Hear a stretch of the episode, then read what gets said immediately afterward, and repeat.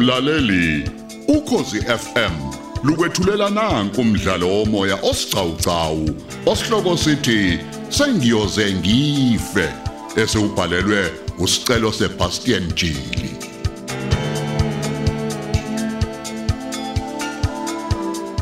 Awuphinde uthole sanamhlanje samashumi amabili nesikhombisa.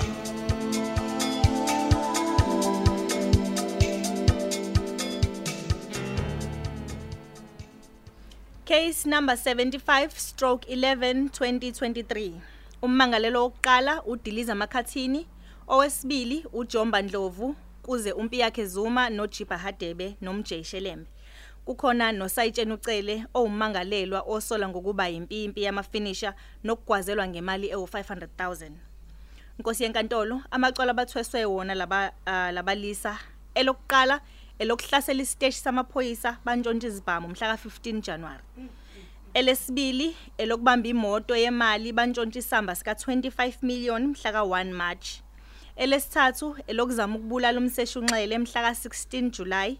Elesine elokuzama ukubamba imoto yemali ababanjwe besathi bayolenza ngosizo lophiko lweintelligent. Elesithupha elokuthumba indodakazi kaMseshi unxele. Elesikhombisa elokuqola abantshontsha isamba semali sika 10 million kumamuzwane bezenza inyanga mbombulu. Elesishaka lombili elokushisa imoto inomuntu phakathi. Elesishaka lolunye elokudla izigidigidi zemali kahulumeni eminyangweni eyahlukehlukene besebenzisa ubuchwepheshe bespy software. Eh sizobiza ke ufakazi wokuqala usemmakhathini osebenzela uphiko lwezobuhloli. Eh phakamisa isandla sakho sokunene uthi inkosi ngisize. Inkosi ngisize Sicela uchazele lenkantolo ehloniphekile ngobudlelwano bakho neqembu lamafinisher. inkosi enkantolo ngajutshwa ukuzobheka ubugebengu obuhleliwe obuqhubekayo lapha emgungundlovu. Ngathola ukuthi udiliza uyena osolwayo ngasondela kuyena. Wangijoyinisa ke iqembu elibizwa ngamafinisher ngithe sengingaphakathi ngathola ukuthi bahlela ukuyobamba imoto yemali. Futhi yiyo le ababanjwe besathi baya kuyona ukuyibamba ngathola nokuthi bathumba indodakazi kanxele. Ngenhloso yokuthi unxele agxile endodakazini yakhe kodwa khohlwe ibona. Kosenkantolo ngibese ngithola nokuthi ngampela bayibamba imoto yokuqala le eyabanjwa bona laba basolo. Mhm. Ungasinika kubufakazi obuphathekayo ukuthi ngempela yiba bayibamba le moto yemali. kosenkantolo lezi ibuke engizigqokile zibizwa ngama spy discord zithwebula umfanekiso wevideo uma umuntu oxoxa naye ziyakwazi ukuthi zithwebule yonke ingxoxo.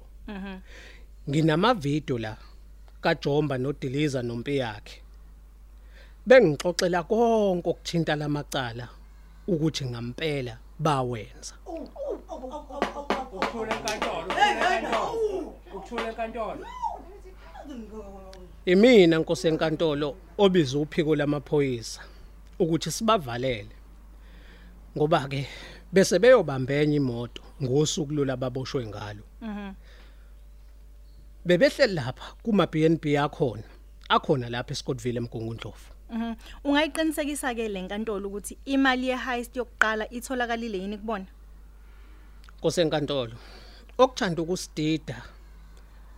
Namanje ngisadidekile futhi Nkosi enkantolo. Imali etholakala kubona itholakale koplastic abamnyama. Ithukuswe emathayini ayizipele. Kodwa ke okusasimangalisile namanje ukuthi yonke leyo mali bekuyimali engama fake. Ukuthula enkantolo. Kanjani manje? Ukuthula enkantolo. Amaphepha kanjani? Nkosi yenkantolo. Okusho ukuthi abamangalelwa bami lenkantolo ayikwazi ukubabeka amacala eCIT heist. Kodwa kube kutholakala imali eumbombayi. Hey, iyamangaza ke le. Eh inkosi yenkantolo ngicela ukuthi inkantolo ithi ukuguqa nje imizuzwana embalo ke sithola ukuthi kwenzeke kanjani ukuthi imali iphenduke ombombayi.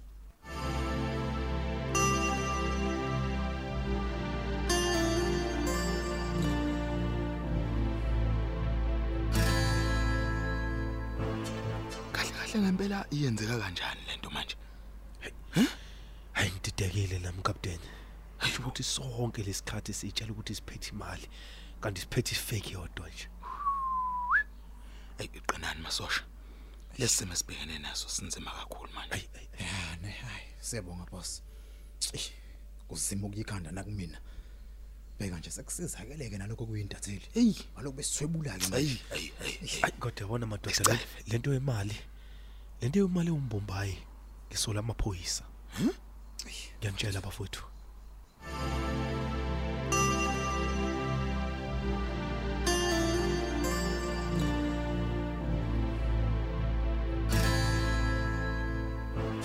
Nkosi enkantolo, ngicela ukubiza ufakazi wesibili umseshunxele okuyena kobephinda abe umphenyi kuleli cala. Mseshunxele, ungaqinisekisa yini ukuthi labasola basebhokisini yibona abasola ngalamacala lawa sebaliwe? Inkosi yenkantolo, yibona. Awulandisa inkantolo kwengophenyo kafishane nje sizathu esikwenza ukuthi uthi bayathinteka. Inkosi yenkantolo. Labasola baphambi kwenkantolo. Mhla kuhlaselwa isiteshi semaphoyisa, kwangena uJomba nompi yakhe. Udiliza ke yena wayipake ngaphandle elinda ukubaleka nabo. Qinisekisa inkantolo ngeentsolo zakho. Ngaphesheya estation samaphoyisa kunesitolo esikhulu. Kulesi sitolo ke kula ngacela khona ifootage. Kuvela uJomba nompi yakhe, udiliza yena esemotweni. Okwesibili uJomba wadubuleka ngalenkathi sebebaleka nezibhamu, edutshulwa ngukapteni. Mhm. Amasampule egazi ke lawa athathwe esibedlela kanye nalawa athathwe endaweni yesigameko ayakhombisa ukuthi uJomba impela lo wayibaleka. Ngabe bukhona ubufakazi obuphathekayo ukuthi yibona ababamba imoto yemali ngase Edendale emgaqweni ojikela ngaseginqini kwaDambuza. Ngingasho nje inkosi enkantolo ngingancancazi ukuthi yibona. Mhm. Ubufakazi bomakhala ekhukhwini futhi nabo obusazodlalwa la enkantolo buveza konke bezikhulumela bona. Lobo bufakazi ke buzolethwa uchwepheshe omkhulu osebenza kuma social network. Esigamekweni ke sokudutshula kwakho kwenzeka kanjani? Kuleso sigameko ke ngangaqondile mina ukuyobabopha udiliza nabafana bakhe. Okwenzeka nje ngangibalandela ngemoto kodwa engakhombisi ukuthi eyamaphoyisa. Ngenhloso yokucathamela nje indlela zabo. Sasuka emgungudlovu saze safika eStenga. Sapaka phambi kwenye nje isupermarket. Yilapha ke la ngithe ngiyehla khona ngiyobingelela udiliza. Kwehla uJomba nompi yakhe bangidubule.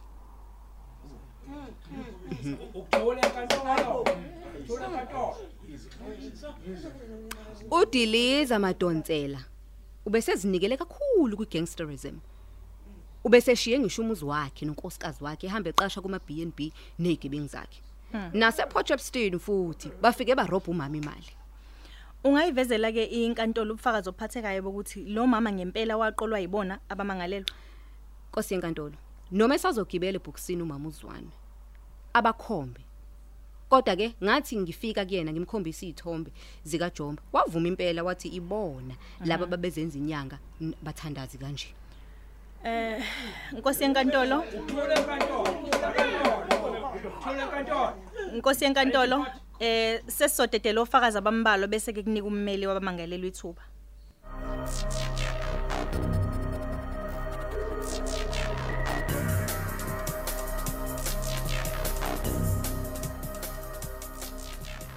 Captain Mahomush. Kukhona kodwa kusangenzeka mhlawumbe ukusilekelela ukuphunyuka kulolu gibe. Ngiyalizonda mina ejele noNkulunkulu ufakazi. Ayi Jomba mfowethu kubukeke ngathi kuphelile ngathi manje. Hey, hey. Ubufakazi bonke besicindezela. Hey yazi ngisadidwele imali yombombayi. Umqondo wami ey uphithene kakhulu manje. Hawu nangu nomele sondele. Engathi khona afuna ukusho. Eh Diliza nethemba lakho. Oh yebo ummeli ohloniphekile. Ngiyadabuka ukunazisa ukuthi ngeke ngisakwazi ukuqhubeka nokunimela. Hayi. Hawu hawu ukwenze njani manje ummeli? Ibhadi phezulu kwelinye ibhadi kukahle bommeli. Eh ngicabanga ukuthi uyabona ukuthi ngeke ngikwazi ukunisindisa kulamacala. Ukhulume naye, ukhulume. Ngeke ngempela. Kwenzakalani phela? Engingakwenza nje ukunicela isigwebo singabe sikhulu kakhulu. Hayi. Okuyinto futhi engingabona ukuthi nganisebenzela. Ngeke. Ngcono nje ngivele ngihoxe kona konke. Khuluma naye boss wami, khuluma naye. Kodwa imake uma kwenzeka lesilahla ke senze appeal usho ukuthi ngeke kulunge lokho. Hayi ngeke phela. Iyaphila isebenza kakhulu uma ngabe amacala equliwe kungabambe kahle ubufakazi. Nkosi yami. So nje uma ngabe nenza i-appeal kungenzeka vele kuvuke nezigwebo ezinkulu futhi besikhulu nalesi enizosithola la enkantolo.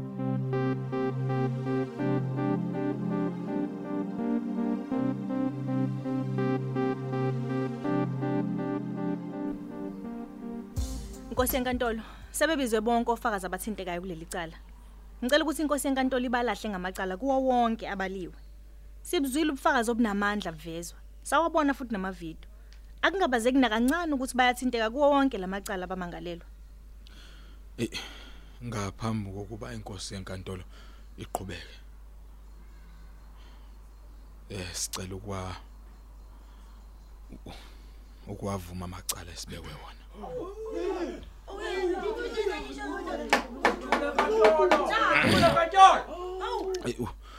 Wonke lamacala esibekwe wona. Siwenzile. Inkosi enkantolo. Siyayisola kakhulu. Siyayisola ngokuphambana nomthetho. Asazi besingenwe yini. Kusu- Kusuka namhlanje ngizizwa sengathi ngiza ngizele kabusha. Ife limnyama ebeliqhuma ingqondo yami lisukile. Sekuyisidala esisha. Ngibonile ubugebengu abunambuyiselo. Ubugebengu bulimaza wena. Limaza nomnotho wezwe.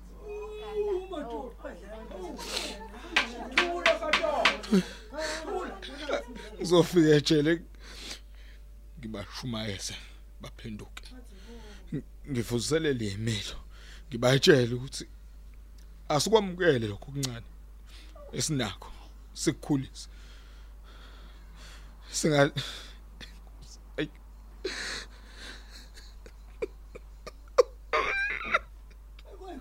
Singadlalela ebugebengwini. Ngiwudiliza namhlanje ozele kabusha. Sha. Inkosi yasi.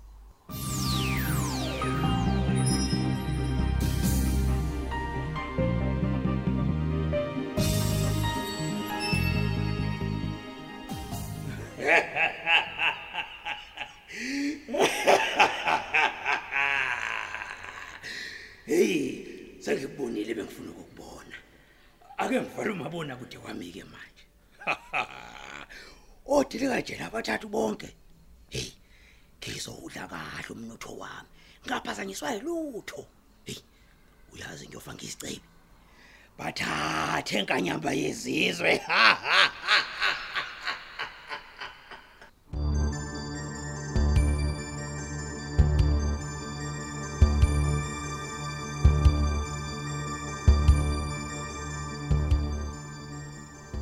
Mahlaba, ndodana. Ngiyabonga ukuzongibona. hayi hayi kulungile ndodana akulutho akulutho. Awu jabula nje ukubona Eh mfundisi ngizizwa nginamahloni ngisho nokukubheka emehlweni nje Mm. ngenxa yemisebenzi yami maybe. mm hawu cha ndodana. Eh uJesu ophilayo uyakwazi nje ukuthi asikhulule konke amaketanga asuke sibophile ndodana. Mm hayi ungabusakhala ungabusakhala ndodana Yami ngithunjwe usathana iminyaka eminingi mfundisi. ungabusakhala ungabusakhala ndodana kuzolunga kuzolunga mfana wami Eh, Mfundisi ngiyaxolisa kakhulu. Ngithi angizok Ngizokutshela khuluma la khuluma ndodana khuluma nje ukhululeke mina mfundiso. O- Owabula indodana yakho uSamson Mahlaba eplazini la ePostini Hayi. kaSkopo mfundisi. hayi hayi wemfana ulahlekelwa ingqondweni manje uthi kunjani wena owenzani Ngicela uxolo mfundisi. Ngicela uxolo. uthi wena owenzani Wabulala indodana yakho sengizele kabusha manje mfundisi ngimesele ukushumayela ivangeli eliphilisiwe. wemfana wemfana. Uthi uthi wena emva kweminyaka emingaka wena wemfana uthi wena. Umfundisi ngizinikele ngokugcwele evangelini lenkosi manje. Futhi ngiyabona ukuthi ukuthi sengi sengiyoze sengiyoze sengiyoze ngife Yena uJesu osindisayo. Hayi, hayi kulungile ndodana. Kulungile ngi- ngiyaxolela. Ngiyaxolela. Inkosi ayikusize mfana wami. Awu ngiyabonga uNkulunkulu wasezulwini ngokungembulela iqiniso.